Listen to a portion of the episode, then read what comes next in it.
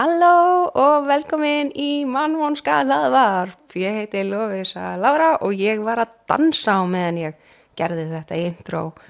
Ég veit ekki af hverju, mér líði bara eitthvað vel. Ég var í klippingu, hárum mitt er fallegt og ég veit það ekki. Ég er svona, þetta er bara góðu dagur krakkar. Það er komið jól og eitthvað, þú veist, bara, ég er enda bara eitthvað einhlaup, munalaus og barnlaus og bara eitthvað að fara að vera einundir borði með enga pakka grátandi jólunum en nei, ég er að djóka. Ég á svo sem alveg einhverja ástvinni sem að elska mig nógu mikið til þess að leifa mér að hanga með þeim um jólin.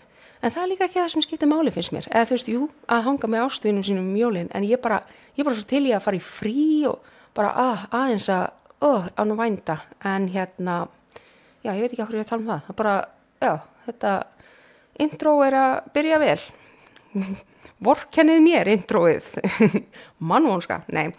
Við erum að fara að halda áfram með náttúrulega málið sem við byrjum á í seinstu viku, þannig að ef að þú ert ekki búin að hlusta part 1 aftur, af hverju klikkaður og eitthvað sem hétt partur 2 það er mjög skrítin hefðun en á sama tíma eins og ég sagði í síðasta part 2 uh, tú partur hjá mér það er, er eitthvað sem ég virði við þig, þú ert kátísk manneskja, þú ferð ekki eftir reglum gerði það sem þú vilt, þú mátt alveg hlusta part 2 fyrst, kannski sleppa ég að hlusta part 1 og gerði bara veriði einstaklingakrakar þið, bara, þið þurfið ekki að fara eftir reglum samfélagsins, getið alveg hlusta bara part 2, allavega uh, nú ætla ég bara að vinda mig í þetta, en ég ætla að taka svona stutt recap, ef þið munið ekki alveg að því ofte er, ég er að hlusta túpartira og það er svona vika setna þá svona tekum við smá tíma þegar við byrja að eitthvað, já þetta er það sem var að gerast í síðasta máli.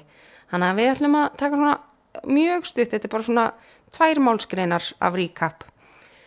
Audrey Marie Hilly, sem við kallum Marie, hafði að þessum tímpundi í sögunni eitra fyrir, eitra fyrir og drepið mannin sinn en enginn vissaði ennþá og, en hún var á rata lauruglu út af tryggingar og fjársviki.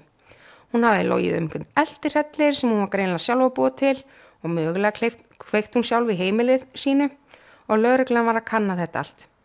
Dóttir hennar Carol var eigni farin að veikjast en læknar töldu þetta að vera sálfræðilegt og hún var senda á geðspítala. En þegar læknar fór að gruna Marie um eitthvað misjátt þá kifti hún, hún Carol út af spítalanum í það snarasta. Og nú er Carol búin að uppgöða eitthvað bref frá fjölskyldumellimi til Marie að láta hann að vita að hún á tvíburasýstir sem var aðskilin frá, frá fæðingu. Og núna, ég, ég verða að segja þetta, kannski virkar svona pínu fyrirpartunum svona, hei, þetta minnir smá á Stacey Castor, þetta er eins og skrítnari útgáð á Stacey Castor, ég er alveg samanlega, en, en þetta er að fara, fara allt öðruvísi.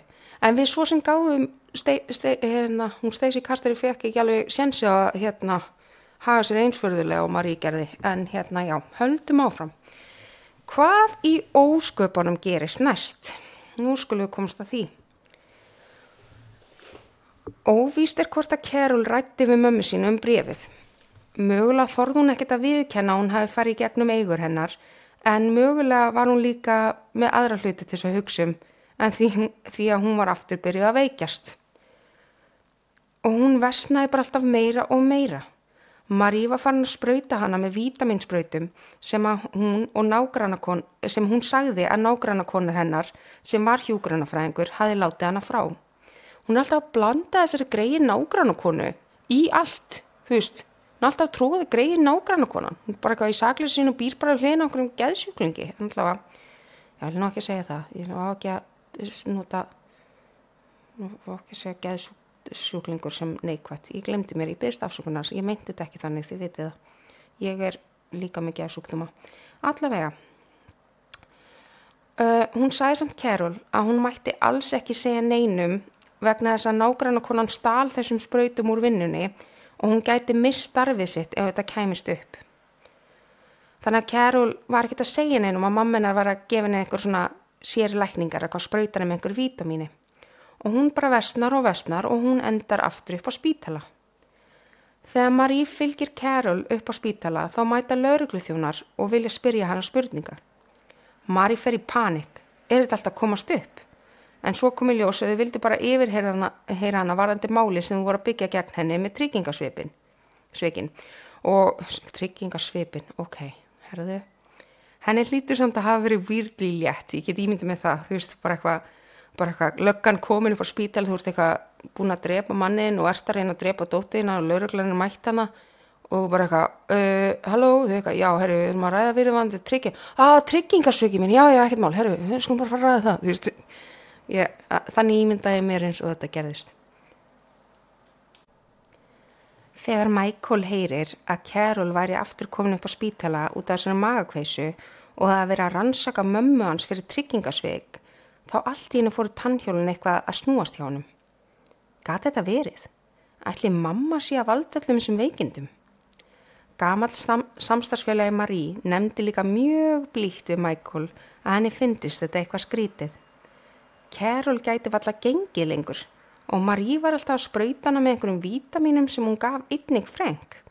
Gæti nokkuð verið að Audrey Marie beri ábyrða á þessu? Hvernig fjandanum kemur maður þessu í kring þessu samtali? Það var örgulega mjög erfitt fyrir hana en þessi samstarfskonu en ég er mjög fein hún gerði það. Michael er í sjokki, hann bara ha? Býtu, er mamma að spröyta Carol með einhverju? Býtu, hvað er í gangi? Hann ringi þá í Carol og spyr hann að beint út hvort þetta sé satt. Hún segi nei, en Michael veit hann er að ljúa. Hún er að reyna að venda mömmu sína. Hún loks viðkennir þetta, en hún segir að mamminar er nú bara að reyna hjálpunni. Michael byrði þá Carol um að neyta Marie um að spröyta sig með þessum spröytum, please. Carol er í afnitun. Mamminar er bara að hjálpa, hún myndi aldrei með hana. Bara please Carol, bara í smá tíma við þurfum að skoða þetta, segir Michael. Michael hafði þannig samband við læknan á spítalunum. Hann ringdi fyrst í geðspítalan sem hún var á og sagði frá grunnsendum sínum. Læknirinn þar viðkendi þá og honum hefði líka grunað þetta en Karl var rifin í burtu áður en hann gæti rannsakað. Hann let á læknana sem voru sjá um Carol vita því sem læknirinn á geðspítalunum saði. Læknirinn sem sá um Carol tók þessu alvarlega. Gat þetta verið? Þau eru búin að vera að klóra sér svo lengi í hausnum yfir þessum veikindum. Gæti þetta skýrt þetta? Marie var þá strax spannað að hitta Carol á spítalinni. Henni var sagt að Carol væri það slæm og smitandi og hún mætti ekki fá gæsti. Mary var brjáluð. Hún heimti að fá að hitta hana áður hún fari í aðgerðan sín út af brjóstakrappamenninu. Hún gæti dáið í aðgerðinni og hún þurfti að hitta dóttir sinna allan einu sinni enn. Nú voru þið að sannilega hugsa, ha, við þau, hvernar vekun brjóstakrappamenn misti ég að einhverju?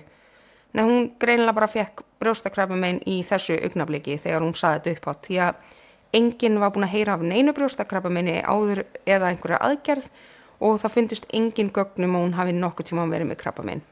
Þannig hún var mögulega bara að reyna að finna einhverja afsökun til þess að fá að sjá Kærul og já, eitra fyrir henni. Læknarinn neituði samt og hún hótaði alltaf að ringi lögfræðing og leysa Kærul út af þessum ömulega spítala Eitt daginn þegar Carol var að hátta sig á spítalunum kom læknirinn inn í stofunennar. Hann var áhyggjufullur að svip. Hún var hissa að læknir var að koma inn á kíkja hann og svona seint. Hann baða hann um að fá að skoða neglur hennar. Hún síndi henn honum neglunar og viti menn hún var með kvítar rákir á nöglunum sem eru stórt innkenni við arsenik eitrun.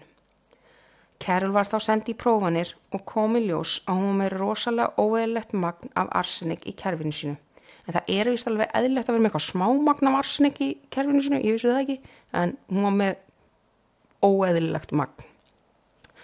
Lauruglina gert viðvart og þau voru ekkit hissa. Þau voru búin að vera rannsaka Marie og voru búin að taka eftir að hún var aðeins að greiða lífstryggingu hjá Carol. Að það var eini reikningurinn sem hún borgaði mánaðlega þau voru farnir að gruna eitthvað og núna var allt að smetla saman hjá þeim Þau gróðu upp lík Franks og gerðu prófanur á honum og þar kom í ljós að það var arsenik í hans líkama. Frank hafi verið myrtur.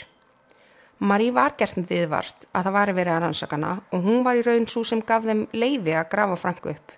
Óvitað er með ás, uh, um hennar ás, ásetning þar. Kanski hugsa hún að arseniki var ekki lengur í líkamanns eða kannski var hún bara að ægið það hvort það er game over eða kannski hugsa hún geti bara svítokkað sér úr þessu bara eins og öllu öðru. En 9. oktober 1979 er Marie handtekinn fyrir morð og tilrönd til mandráps og tryggingasveik. Máli fer í alla fjölmila og fólk missir vitið yfir þessu. Þessi fallega konir, kona og móðir draf mannin sinn og reynda að drepa dóttir sína. Þetta var sjokkerandi. Marie fær flottan lögfræðing og fer fyrir dóm til að ákvarða reynslufíðinnar. Lögfræðingurinn nær að samfara dómarana að það stafaði ekki hætt af henni og því var reynslufíð mjög látt. Lögmaðurinn náði svo að sapna fyrir reynslunins hennar frá nokkrum bæðabúum sem trúðu þess ekki upp á Marie. Marie var því hleyft úr fangilsi á meðan það var verið að gera til fyrir réttarhöld. Marie hafði verið að fá svo mikið aðtegli út af málinu og hótanir á líf hennar. Þannig að lögfræðingurinn hennar ákveður að aðstóðana með að leia fyrir hann á hótelherbyggi á hótelibænum sem kallast The Roadway Inn. Nokkrum dögum setna átt hún fund með lögfræðingunum sínum en hún mætti ekki. Hann fer því á hóteli til þess að hitta hana en Marie er horfin. Það er búið að rústa hótelherbygginu hennar og hann finnur miða sem stendur á Þú leiti mig beint að henni, ekki reyna að leita henni. Lögfræðingur Marí var þarna hrættur um að einhver hafi rænt henni. Hann ringdi á lauruglu og það var gerð risa leit af Marí en hún fannst ekki. Dægin eftir er brotist inn hjá Robin Franku Marí, þú veist þessari sem hún beiti bumbuna þegar hún var fimm ára hann að kökugeitt. Það var stólið bíl, tösku og nokkrum kvernmarsflíkum. Miði var skilin eftir sem stóð á. Ekki ringja laurugluna. Við munum brenna þegar þú gerir það. Við fundum því sem við leituðum af. Við munum ekki trubla því aftur. Lögreglan gett séð að báði meðarni voru með sömu skrift og þau fundi gömul skjöl sem Marie hefði skrifað og passaði skriftin við hennar skrift. Hún hafi feikað sín, sitt eigið mannrán. Einni tilkendi Michael til lauruglu að hann og Terry Connans vöknuði eina nóttuna við barskrátur en þau höfður loksins náði eigna són á þessum tímabúndi og hann var unga bann. Þau fórin í herbyggi á sínu sínum og sáu þar að glukkin var gal opinn. Michael leit þá út og sér manneski standa hann í skugganum.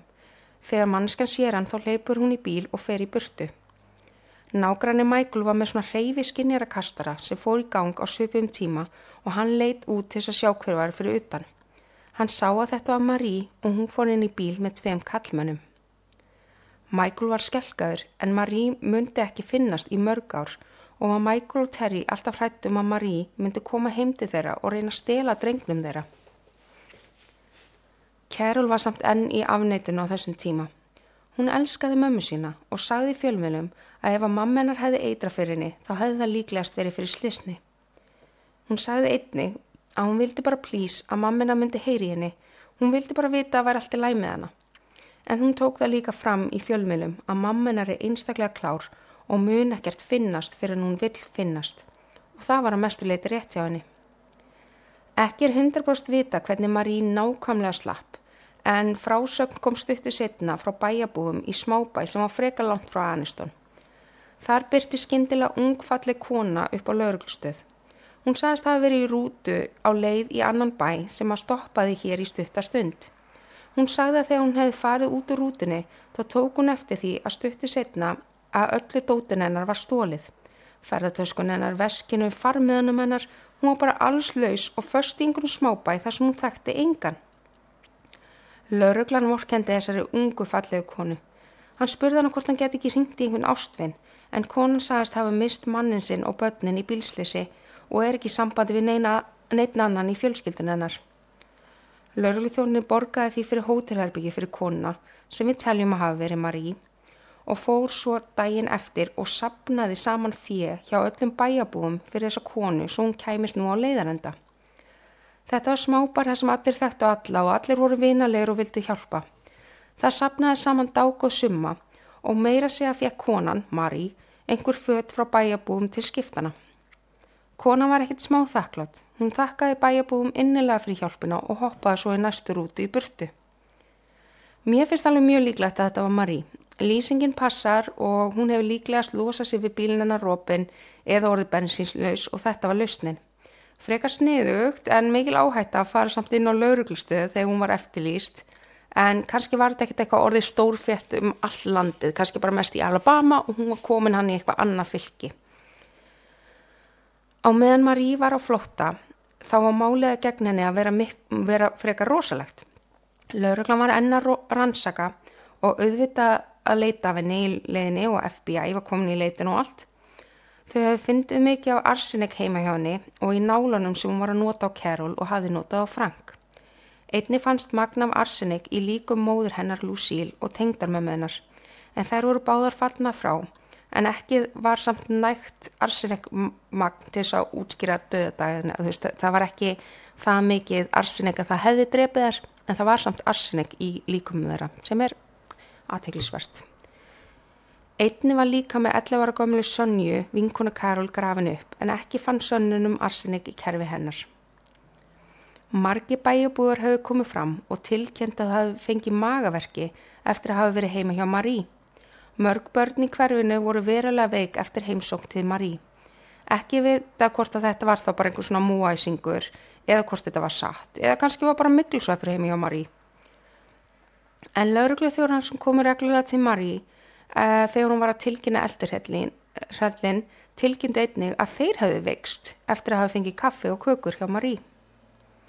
En við vitum ekkert hvað Marie gerði í nokkra mánuði en hún slapp í november, november, það var mjög ennst hjá mér, í november 1979 og næsta sem við vitum staðfest af henni var í februar 1980. Palm Beach í Florida og nú er eins og við hreinlega bara skiptum um spólu.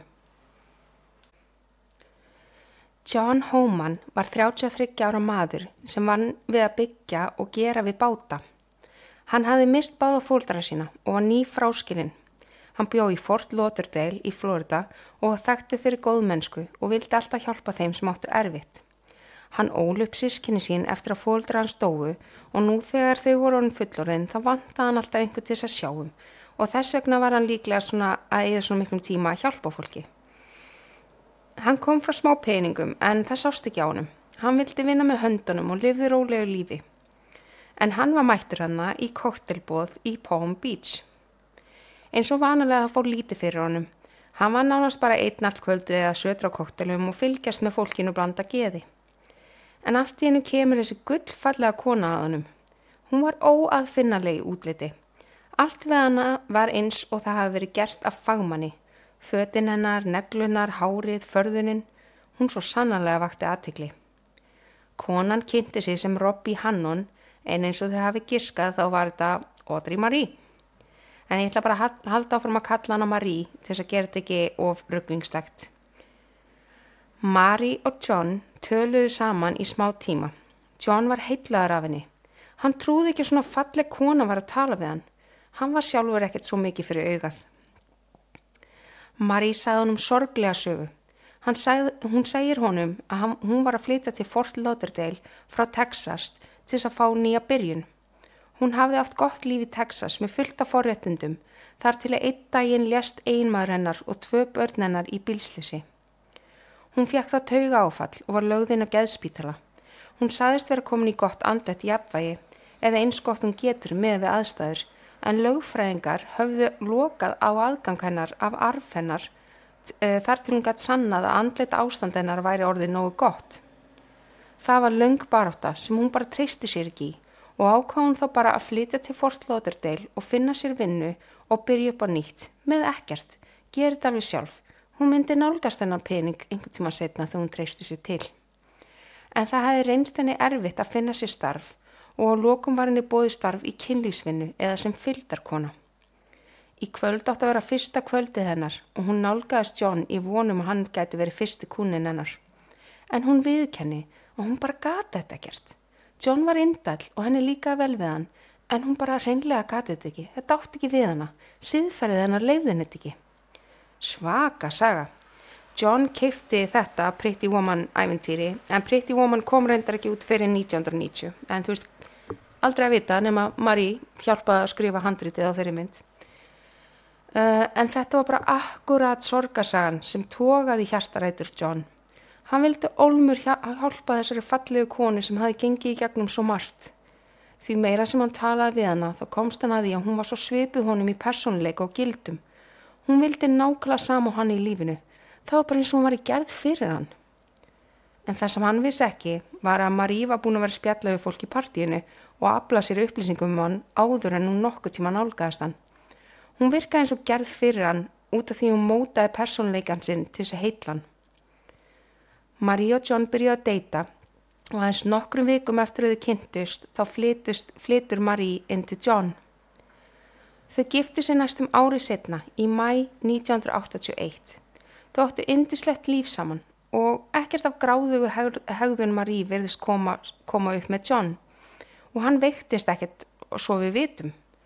Vissulega passaði John alltaf upp á að Marie fekk alltaf að ganga í flottustu fötunum og fara í lagning og svona en hún virkaði mjög rólega, rólegri allavega af frásögnum. Engum fannst neitt grunnsalegt við hann á Robbie, Marie. Það sumar, eftir þau giftu sig, stakk Marie upp á því að þau myndi uh, flytja í annað fylki. Líklegast var Marie bara stressuð á vera einum stað uh, of lengi, en kannski vildu þau líka bara breyta til. John stakk upp á því að þau flytti til New Hampshire, þar sem bróður hans bjó, og þau gerðu það, flytti einhvern smábæ í New Hampshire. Kona bróður Johns var að vinna sem rítari í fyrirtækjasvæðinu og sagði Marie að hún geti rettað henni vinnu sem hún gerði. Það vissulega kom upp nokkur vandamál hjá Marí. Það kom upp VSN með kennitölunar þegar launadeild ætlaði að greiða henni fyrsta launaseilin hennar en einhvern veginn retta á hann því. Um þennan tíma byrja hún á kvartunda miklum höfuverkjum. Hún saði John að þetta var í tengslu við sjálfgjáðan blóðsjúkdóm sem hún væri með. En í heildina litið voru samt Mary og John verulega hafngisum. Nokkrir í vinnun en að Marie þóldu hana reyndar ekki. Hún var alltaf með einhverju sorgarsögur. Einn samstarfskonun hennar sagði setna að nokkrar þeirra töluðu um þetta í kvíslum. Það vildi enginn eitthvað vera leiðilegu við konuna með blóðsíkutumann sem misti börnin sín og mannin en fólk var orðin bara frekar þreytt að því að heyra allt um þetta. Það var alltaf eitthvað nýtt drama á henni Robbie Marie. Marie eitti oft kvöldum sínum að spjalla í síman við tvíburasýstu sína Terry sem bjó í Texas. What? Tvíbrasisturinn komin aftur? Hversu mikið veit hún? Veit hún að Marie er ákjæra fyrir morð og er að þykjast þeirra Robbie? Hvað er eiginlega gangið með það? Pælum er í því aðeins einna. Hún talaði mikið um sýstu sína við John og vildi Olm að þau myndi hittast eitt daginn.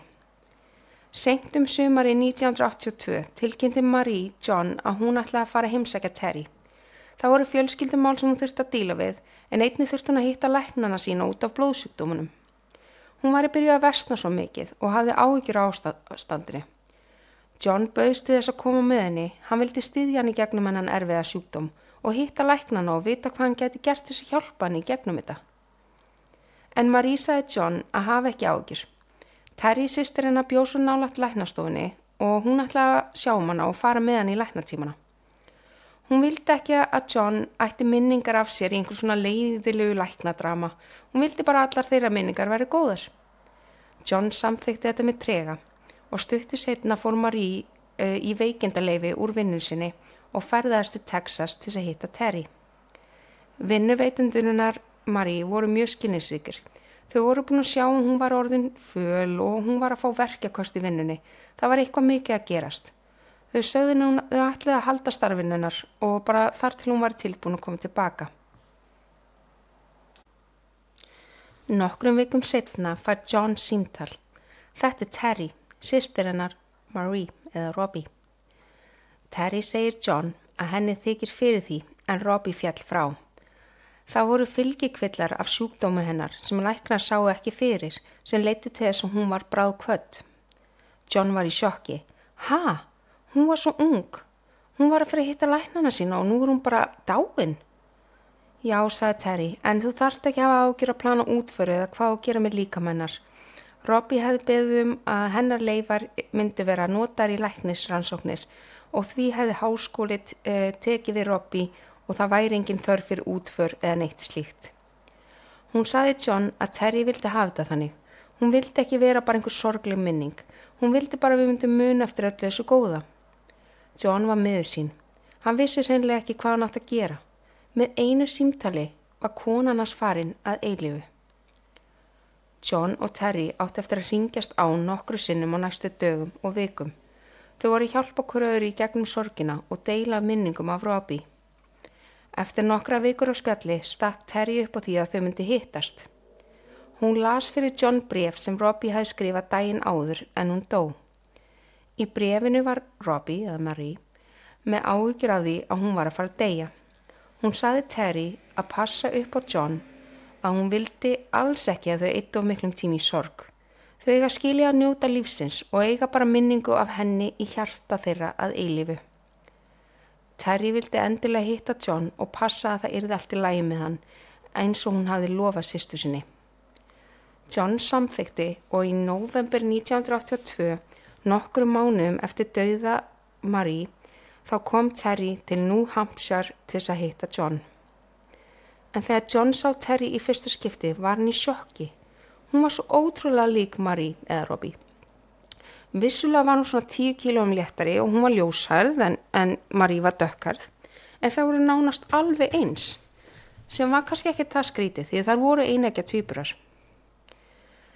Terry gisti hjá John og fyrst svaf hún í rúminu og hann í sófanum en þau yrðu nánar og nánari og með tímanum uh, með, og já, þau yrðu nánar og nánari með tímanum og John gati ekki annað en falli fyrir Terry en hún myndi hann svo mikið á heittelskuðu konunans. Vissilega voru þar ekkit alveg eins. Robbie elskaði að horfa sjómarbyðakvöldin en Terry elskaði að lesa. Það reyktur reyndar sömu tegund af síkaretum en það voru samt tótali ekki sama manneskjan. Og nú er búlséttmælirinn hjá ykkur, kæri hlustundir, örgla bípa ansi hátt. En hann var ekki pípandi hjá John, hann trúði þessu. Nokkrum dögum eftir að Terry kom til New Hampshire þá fór hún og John saman að morgumblæðin í bænum og báðum að prenta dánartilkynningu um Robbie. Starfsmannan hann var frekar hissa. Vanalega þá sér útfarastofan um þetta. En Terry útskýrði með tárin í augun að það væri ekkert þannig, líka með hennar var gefin í rannsóknir. Dánartilkynning var því gefin út og allir í smábænum þeirra í New Hampshire voru í sjokki. Engin vissi að Robbie hefði dáið, eða þú veist, jú líklegast nánustu ættingera hans John, þú veist, þessu bróður hans og okkur svona, en til dæmis, þú veist, allir í vinnunennar Marie vissu það ekki og var meiri segja borðið hennar ennþá uppi með hennar dóti á. Allir voru að búast við henni aftur í vinnuna. Terry sagði John að hún vildi svo heimsækja vinnustæðina Robbie og sjá hvar sýstir hennar eitti dögunum sínum. Hún hafði talað svo mikið um vinnufélarna sína og hún bara vildi hitta alla. Fóru þau þá saman á skrifstofuna. Allir voru sjokki þegar þau sáðu Terry. Hún var svo lík Robbie, en vissulega aftur einægja tvíbrar. Þeir eru oft líkir. Hún kynnti sig fyrir öllum og spjallaði við starfsfólki í smástund og það hópaði staðinni. Einn samstarfskona Marie, þessi sem þóldan ekki, var í pásu þegar Terry kom og hún kom bara á baka á skrifstofuna þegar Terry var að fara. Hún sá að það var eitthvað í gangi og spurði samstarfskona sína hvað væri uppi og kona var bara eitthvað, æg þetta er Terry, hún er tvíbrasisturinn að Robbie, hún vildi koma og helsa upp á okkur og svona. Kona snýri sér þá á samstarfskonni og sagði, uh, nei, þetta er Robbie orðrómar fóru á fullt um bæin uh, út af þessari ljósherðu glæsukonni sem var skindilega slásri upp með John. Flesti voru mest bara að tala um hvað var skrítið að John var núna að búa með tvíburusistur látnu konuna sinnar og já, það var nú pínur svona, já, já, hmm, áhugavert. En margir voru að evast. Þau keifti ekki þessa sögu. Orðrómanir urðu það slæmir á gamla vinnusta Robby að það var haldinn starfsmannafundur til þess að segja starfsfólkinu að hætta að tala um þetta og láta sirkjandi fólki í friði. En sömur vildi ekki sleppa þessu. Meðal annars þessi hennar samstarfskona með grunnsendinnar. Hún fann dánartilkynningu hennar Robby og ákvaða kannast aðrendinnar. Kirkja sem var skráð í tilkynningunni var ekki til. Spítalinn var ekki til og það var enga skrá um neina Robby sem dó á þessum tíma í Texas. Einni fannst ekki skrá um fæðingu tvíbruna. Henni leist ekki á þetta. Þetta er Shady AF, sagði hún árið 1982. hún er einn daginn að ræða þetta um mannin sinn, en vinur hans er rannsóknarlauruglega í bænum. Vinur mannsins var strax í sjokki. Býtu, ha? Býtu, hvað hva er þetta að tala um? Hvað er tvíbur? Ha? Hvað er þetta að tala um? Getur þú sagt mér eitthvað meir um þetta? Konan sagði honum alla sólarsöguna og hann var sammála um að þetta væri eitthvað grugugt. Þetta var klárlega ekki sönn saga. Hann var vissum að konan var eftirlýstur bankaræningi sem var laus. Hann fer því all in í rannsóknir og kemst að því að Terry var nú ekki þessi bankaræningi sem hann var að vonast þess að ná. Það hefði verið svaka stórt skref í hans ferli og þess vegna var hann smá vonsökinn þegar hann komst að því að hún var ekki hún. En hann hafði ekki hugmyndum hvað hann var í raun að vera að fara uppljóstra. Hann var komin næga sönnin um að Terji væri ekki svo sem hún saðist vera, en vissu þó ekki enþá hver hún væri.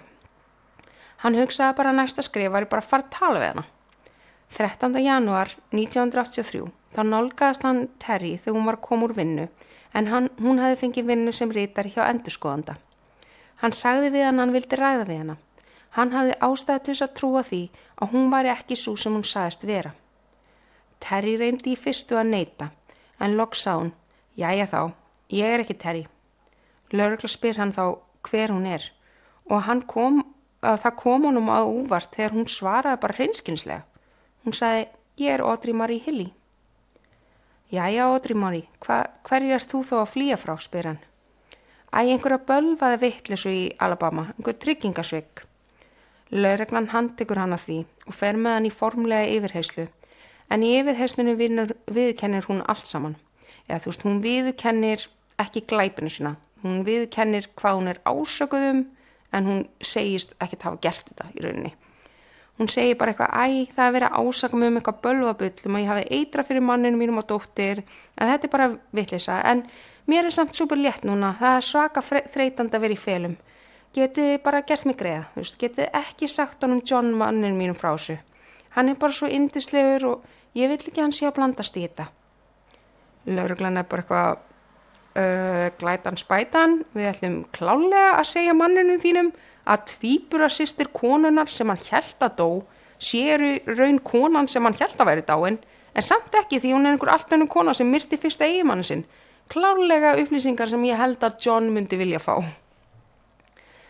19. janúar 1983 er Marie send aftur til Aniston til þess að svara fyrir glæpum sínum Einhverja fleiri kæru, kæru höfu bæst við og í þetta skiptið fekk hún herri upp að í reynslunlaust sem enginn dyrðist þess að borga. Réttarhöldin voru átakaleg. Það var liðin langur tími og Carol var búin að samþykja það sem gerðist og vissi að mamma hennar hefði gert henni þetta. Hún neytaði að horfa á Marie í réttasal en Marie reyndi svo sannlega að ná tala af henni og kvíslaði ég elska þig að henni þegar hún var í vitnastúku. Sönnuna gegn Marí voru gríðaleg og vittnisspörðu Karol var áttakalegur. Fjekk því Marí lífstíðadóm í fangelsi fyrir morðið á Frank og 20 ár fyrir tilröndi manndráps fyrir Karol. Og ég vildi ekki að þetta sagt að sagan endaði þar. Enni hei, Audrey Marie Hilly hugsaði að þetta væri sannlega ekki nóg dramatísk og skrítinsaga. Hún vildi endilega bæta við óutskýranlegum enda. En Marie fer í kvennafangilsi á svæðinu og hún fær sér vinnu í fangilsinu og er talin medium security fangi. Ég veit ekki alveg hvernig best að þýða það en fólk er vist bara, þú veist, dæmt eftir, eða þú veist, það er svona rankað eftir því hversu hættuleg þau eru. En hún er dugleg og heldur sér mest fyrir sjálfa sig. Það kom mörgum að óvart að hann John stóð með henni. Hann flutti til Aniston til þess að vera nærinni og heimsækir hana reglulega í fangelsið. 1985 var breytt stöðu hennar í fangelsinu, hún var breytt úr medium í low risk, þannig að lítil áhætt af henni einhver ástöðu, engin skilur. En út af því hún var talin uh, low risk, lítil áhætta, þá mátt hún sækjum að fara í dagsferðir úr fangelsinu. Árið 1986 fekk hún fyrst samþygt að fara í fangelsisfrí í 8 klukkutíma og það gekk eins og í sögu. Hún fekk að fara þrís og sinnum í viðbót í svona 8 klukkutíma pásu og alltaf skila hún sér á réttum tíma aftur í fangelsið. Þetta er, og þetta var kannski meira back in the day en ég man alveg eftir að hafa hýrt af þessu í is the New Black en þá var það eitthvað svona garsóttum að fara úr fangelsunin yfirleitt er það held ég bara ef að sérst, eitthvað gerist, þú veist, að deyr einhver náðum þér og þú færði að fara í, þú veist, jarðaför og eitthvað svona uh, það var svona fangelsisfríin yfirleitt sem voru samþygt en ég veit ekki hvort það var bara svona lausari reglur eða kannski bara í þessu ríki en það, þau greinilega gáttu sótt um að fá bara að fara einhverja bæjarferðir eða eitthvað svo leiðis en í februar 1987 þá sóttu hún um þryggja daga passa. Hún hafði planað að eða þessum þrejum dögum með John og uh, sagt, uh, þessi passi var samþyktur. John og Marie eittu helginni á mótilherbyggja á svæðinu en á seinastu deginum segir hún John að hún ætlar að fara að heimsækja grafir fóruldra sinna. Hún vildi fara einn en hún myndi hitt hann á veitingastað í morgumat klukkan tíu. John mætir á veitingastæðin en Marie er ekki þar. Hann býður og býður en ekkert bólar á henni. Hann fer þá aftur á mótelið og finnur þar miða sem stendur. Ég vonu getur fyrirgjöfu mér, ég er að fara. Það verður best fyrir alla. Við verðum saman aftur. Plís gefi mér klukkutíma til þess að komast úr bænum. Ég er með far sem er að fara að sækja mig og ég mun fljúa til Kanada. Ég hef samband við þig þegar ég er búin að koma mér fyrir. John var vonsvikinn og já líka bara svikinn. Hann ringdi strax í laurugluna og tilkynnti hvað gerðist. Það var leitað hátt og látt á Marie. Lauruglan taldi að hún var í líklegast farin úr fylginu og jafnvel náði bara koma sér til Kanada. Hún var þekkt fyrir því hvað hún var rosalega slungin í því að sleppa. En svo gerðist eitthvað sem enginn sá fyrir. Fjórundöfum setna kemur kona heim til sín en konan bjó rétt fyrir utan Aniston í Blue Mountain sem var heimabæri með Marie. Konan ólst upp með Marie í rauninni og hún var með henni í skóla. En þegar hún kemur heim og sér konu liggjand á þrepun fyrir utan henni, rennandi blöyt og kalda, þá þekkt hún ekki að þetta var í raun Marie. Hún var svo illa útlítandi. Marie segir, ég er ekki að reyna að brjótast inn, ég er að reyna að fá hjálp. Bílið minn beilaði og ég lappaði og, og og skreið í gegnum skógin til þess að komast að einhverju húsi fyrir hjálp. Það hefði verið stormur úti og einstaklega kallt. Konan vafði hann í plast til þess að reyna að halda hita og ringdi á laurugluna. Viðbraksæðilar komu og sáu strax að þetta var Audrey Mali Hilli en hún dó í sjúkrabílnum á leðin upp á spítala út af veðuraðstæðum en hún hefði orðið úti. Ekki er vita hvað var að gera í þessa fjördaga. Engin bilaður bíl fannst nálagt. Margi gisku hún hafi falið sér í skóginum en hún var illa klætt og veðri var það slæmt að þú hefði getað dáið að standa úti í þessu veðri í 8 klukkutíma úr ofkælingu. Þetta er því algjör ráðgáta hvað hún var að gera, hvað var planið hennar. Fólki fann skrítið að kona sem hefði planað svona mikið allt sem hún gerði og var svona klók hefði fallið frá svona. Var hún bara gjörsanlega ekki með neitt plan? Marie planaði allt. Meiri segja hún skrifað bref til að planta þessum tvíburinn í lífsitt árum áður en hún nota þessa tvíbrulíi. En, en þá náttúrulega, það, það er allt mjög skrítið. Hún ætlaði greinilega hún var búin að planta þessum týpura þetta bref sem hún greinlega skrifaði sjálf til sín frá ættingja en hún ætlaði kannski að nota það í eitthvað annað veist, hún gati ekki hafa verið búin að ákveða þetta þá en hún ætlaði kannski að nota enna týpura í eitthvað annað veist, já, þetta er mjög, mjög skrítið mjög skrítið þannig að þetta er skrítið að svona enda þetta hjá henni en engin veit hvað hún var að hugsa Marí var grafin við hliðin á Frank manninum sem hún draf og gjör svonlega eiðilaði og mér líður ekkert mjög vel með það. En eftir döða Marí þá reyndi Michael að kæra ríkið og vildi að þau borguði fyrir útför Marí. Það var á þeirra ábyrð að hún dó því hún var á þeirra ábyrð og þau hleyftin úr fangelsi. Fjölmilar hoppuði á söguna og var fólk mjög reykt út í Michael en Carol kom hún til varnar og skrifaði bref í fjölmila. Þar sagði hún að móður hennar var stórhættuleg kona sem draf föður hennar og reyndi að drepa hana og hvum á þetta hva, hva, hvað meira. Hún var þekkt fyrir að sleppa og hafi meiri segja áður gert tilraunir í fangilsinu og talað mikið um það við samfanga. Það var gerðsanlega út í hött að henni var hleyft út í þrjá daga án þess að það var, nok var nokkur ráðfarið sig við hana eða bróður hennar um þetta. Hún sagði að sásökin og kvíðin sem þetta olli henni fylgti hann á meiri viðbjóð en nokkuð sem mammenar gerðinni. En beðnið þeirra var samt hafnað. Ég er samt svo drulli mikið sammála, sammála sérst Kjæról. Þessi kona er stórhættilegt og ef hún hef, hefði ekki dáið út af veðrinu og hún hefði komist eitthvað annað þá hefði önnur líf verið í hættu. Þetta var svo gjörsanlega mikið klúður hjá ríkinu og klárlega átti sískinn að fá einhverja bætur út á döðunar ef ekki bara útfara kostnaðin.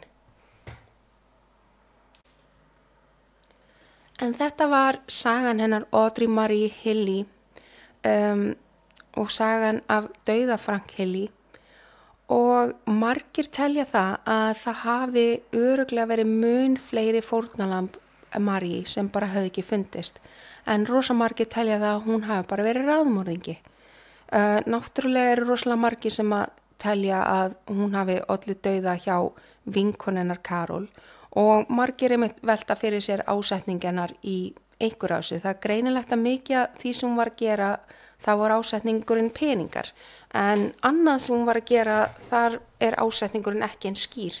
Eins og til dæmis með uh, sagt, sem er náttúrulega alls ekki sanna var hún en með sagt uh, hennar Terry líka áhugavert og notaði nafnið hjá hérna konu Michael Sonarsins þegar hún tók upp týpra hérna lína en hún Terry sem sagt kona Michaels veikindi hennar þú veist margir telja ásetningurinn hafi verið að hún bara höndlaði ekki að hún var að missa aðtikli frá Michael. Veist, var, Michael var bara svona svolítið gjössalega all lífið hennar og svo þegar hann, hann flyttur í burtu og kynast einhverju konu þá er hún rosa mikið, eitthvað rosa mikið drama í gangi og hann þarf að koma og, og margir halda bara hún hafi bara ekki viljað missa hann í lífið sínu. Bara, hún vildi hafa hann bara útaf fyrir sig og það hefur kannski verið ásetningurinn þar. En það er ekki hægt að segja til um það því að maður átt að segja ekki á því. Varðandi hana vinkonu hennar Carol sem dó, sem er náttúrulega ekkit sannað að hafa verið hún, það geta verið bara ótengt og tilviljun en margir telja að þetta var líklegast hún og að annarkort hefði þetta verið slisni og hún hefði bara komist í einhvern mat sem var kannski ætlaður frank en aðrir halda hún hafi kannski verið að æfa sig. Sjá hvað myndi gerast áður hún byrja að eitra fyrir Frank og hún ákvað þá að velja einhvern einstakling sem er ekki það tengdeni þannig að það myndi ekki komast upp. Og þess vegna æfði hún sig á þessari 11 ára gömlu stelpu. Ég veit ekki hvort að það sé rétt. Varðandi tvíburan your guess is as good as mine. Það er skrítið hún hafi mörgum árum áður skrifa sjálfur sér þetta bref til þess að planta þessu inn. Hún var greinilega að spá í eitthvað hún ætlaði að gera eitthvað. Öruglega ekki þetta því hún gæti ekki alveg séð fyrir sér hún myndi enda þarna hjá John veist. Uh, þannig að ég veit ekki hvað hún ætlaði að gera þegar hún skrifaði uppröðinlega týpur af brefið en það var eitthvað. Og svo er náttúrulega allir að klóra sér hausnum yfir því af hverju hún feikaði dauðan sinn og kom aftur sem týpurasisti sín. Því að flestir telja að ef hún hefði ekki gert það þá hefði þetta möguleg ekkert komist upp og hún hefði ekkert fundist. Þau voru bara að lifa mjög hamingisemulegu lífi saman þau tvö og svo sagt það voru, það voru engar svona raunverulegar grunnsendir að koma um Robbie, þú veist það var eitthvað svona kennitöluvesen og hún var íst eitthvað svona smá stressu þegar hún var að gifta sig þá þurfti hún eitthvað að nota einhverju feik kennitölu og hún gæti vel þess vegna vildi hún sennilega flýt úr fylki en það var ekkert verið að rannsakana, það hún var ekki á neinum ratar og það var bara allt í góðu. Þannig að það eru margir sem klórsins hausnum yfir því af hverju hún feikaði dauða sinn og kom tilbaka sem tvíbröðsistu sín. Um, margir hafa haldið að hún hafi kannski veist, bara ætlað að drepa karakterin sinn að því hún kannski bara fannst hún var stressuð að vera oförst í þessu lífi og koma John inn í þetta og ætlaði svo bara feika döðan sinn og reyna aftur einhverstar annar staðar. En svo hafa hún bara saknað John svo mikið að hún hefur ákveðið að koma tilbaka sem tvíbúrisistirinnar en mér finnst það ekki alveg meika sens að því hún var búin að vera að planta þessari tvíbúrisistir á undan með John líka. Þannig að mér finnst eins og hún hafi alltaf ætlað að koma tilbaka sem tvíbúrisistirinn en já, þetta er skrítið, emitt ef ég myndi sjá bíómynd sem væri um þetta og þetta var ekki byggt á raunverulegum atbyrðum þá myndi mér finnast þetta versta bíómynd í heimi að því hún myndi ekki meika neitt sens að því að bara gjörsanlega er ásetningurinn út um allt og ég skil ekki hvað gekk á þarna. En þetta er vissilega sönnsaga með raunverulegum fórnalömpum og veist, þetta er bara veist, það eru mörg fórnalömpi í þessu. Náttúrulega Frank sérstaklega sem tapaði lífið sinu og líka bara, þú veist, maður hefðist bara að hafa tapað lífið sínu frá því að maður 14 ára og kynntist henni fyrst. Hún bara gjör sannlega, dró úr hennum alla lífsorskuna og bara, þú veist, hann gerði ekkert nema að reyna að vera góð við hennar og hún var svona vanþaklott að hún bara, og þetta er ekki nóg fyrir mig. þú veist, ég ætla bara þá að vera að halda framhjá út um allan bæ með ríkum kallmennum sem geta gefið þér meira skildi þá bara við mannin og giftist þessum ríkum kallmanni en reyndar þá var hún sko, það var talað um og hún hafa alveg verið að reyna sko að hérna það voru sko ríkir, þessi ríku kallmenn voru yfirleitt alltaf giftir. Og þeir voru ekkert þeim því miður og ég vildi heimurum væri ekki svona en þeim voru tilbúinir að byrja ástasamband með Marí en engin af þeim var eitthvað tilbúin að fara frá koninu sinni. Það er samt sorglegt að flestra þeim voru samt tilbúinir að sofa hjá henni samt, þú veist. Respect your marriage, bro. En allavega, það er ekki allt fullkomið. En hérna, já, en að þú veist, ég veit ekki, hún bara, þú veist, Frank náttúrulega fórnalam Carol, þú veist, Guðminn góður trómað, Michael líka, þú veist, þetta er allt, þetta er bara, og ég, ég líka ímynda mér, þú veist, Michael að vita svo að, þú veist, að konarnas hefði getað dáið og þau mistu fóstur út af mömmunar, mömmu hans og svo voru þau hrætt á meðan hún var á flóta að því að þau bara hreinlega vissi ekki, hún kom víst, eða þau að talið, það var náttúrulega ekkert staðferst, en að talið hún hafi brotist inn til þeirra og verið eitthvað inni hjá sinni þeirra þú veist þannig og veist, þau vissi ekkert hvað hún ætlaði að gera og þú veist, þetta var bara óþægilegt. Líka þegar hún var að flóta þá einhvern tíman uh, voru sérst lögð blóm á leiðin hjá fóröldrumennar sérst í Aniston og þetta var þegar hún var að búa í Fort Lauderdale. Og enginn í fjölskyldunum kannast við að hafa sett þessi blóm á þannig að það grunaði öllum að hún hafi gert það. Þannig að hún hefur gert sér ferð einhvern tíman hún var það djörf og hún fór einhvern tíman aftur til Aniston og lagði blóm á leiðin hjá fólkdrar sínum sem er líka ókslega skríti hvað hún er óslega sensitiv við að sína virðingu fyrir látna fólkdrar sína þegar hún sínir ekki virðingu fyrir einni einustu mannesku í lífi sínu hinga til.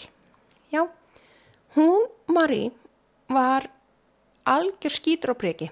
Mér líkar ekki vel við hennar og ég er nokkuð sem um að þið ykkur gera það ekki heldur. Og ég bara, ætla bara að segja, já, búr bara kúka prik. Hún er enda látin, þannig að, þú veist, kannski heyrðu hún í mér einhvers þar. Ég ætti kannski ekki að setja svona neikva orku út í heiminn en það er kannski alltaf lægi að senda neikva orku á svona ömulegt fólk fyrst mér kannski, ég veit það ekki. Nei, maður vil bara hafa allt. Ég, ég ætla ekki að taka þetta inn á mig. Ég ætla bara að segja bless við hana með hana Audrey Marie, ég vil ekki vita meira af henni. Uh, fyrir en að það hlýtur að koma séri á Netflix, það bara hlýtur að vera. Þetta er þannig mál, finnst ykkur það ekki? Veist, ég er bara svo hissa að það er ekki búið að gera það hinga til, miða við allt sem er innifalið og líka veist, það þarf einhver á meðan þetta fólk sem var í sögunni er ennþá lífandi og það er ekkert allir ennþá lefandi, fólk er að fara að deyja, þetta er það langt síðan. Það þarf einhver að fara núna og taka viðtal við allt, allt þetta fólk, fá allar upplýsingarnar, gera dundur nefnist aftaröð og ó, ég myndi, já, bara grafa sér djúft inn í þetta. Ég vona að það gerist innilega. En já, ég bara ætla að segja þetta gott í dag og ég vona, núna er þessi þetta náttúrulega að koma út viku eftir hinn en ég er að taka hann upp núna. Um, ég vona að ég sé búin að koma varningnum mínum í sölu. Ég, ég var ekki búin að því út af því að ég bara svo, ég er alltaf að býða fyrir einhver þú veist það er alltaf einhver að segja til að hjálpa mér og svo kemur einhvern að hjálpa mér. Þannig ég alltaf, held alltaf já, maður á bara aldrei að trista neittnum og sóla sig. Uh, nei, djók, elska alla sem ég þekki. Og, ok, herri, ég ætla bara að fara. Ég er bara farin að bylla eitthvað hérna. Um, ég er að spá ég fara bara að hoppa niður á uh, Dubliner, þar sem eru open mic'ar alla þriðu daga og sunnudaga og ennsku klukka nýju ef ykkur langar að pröfa upp í stand pröfið upp í stand. Það er fyndið, veist, hverju hafið að tapa, þetta er ógísla skeri en þetta er, þetta er alveg svona þetta er áskorinn, þetta er áskorinn pröfið þetta, skráðu ykkur ef það einhvern tíman hugsa að ég geti gert uppstand. Pröfið þetta og degið það innan því að þetta er svolítið þannig Uh, ég ætla bara að segja takk fyrir mig í dag. Uh, titilagur eftir Magnús Jón Aðalsson Steinsson. Bye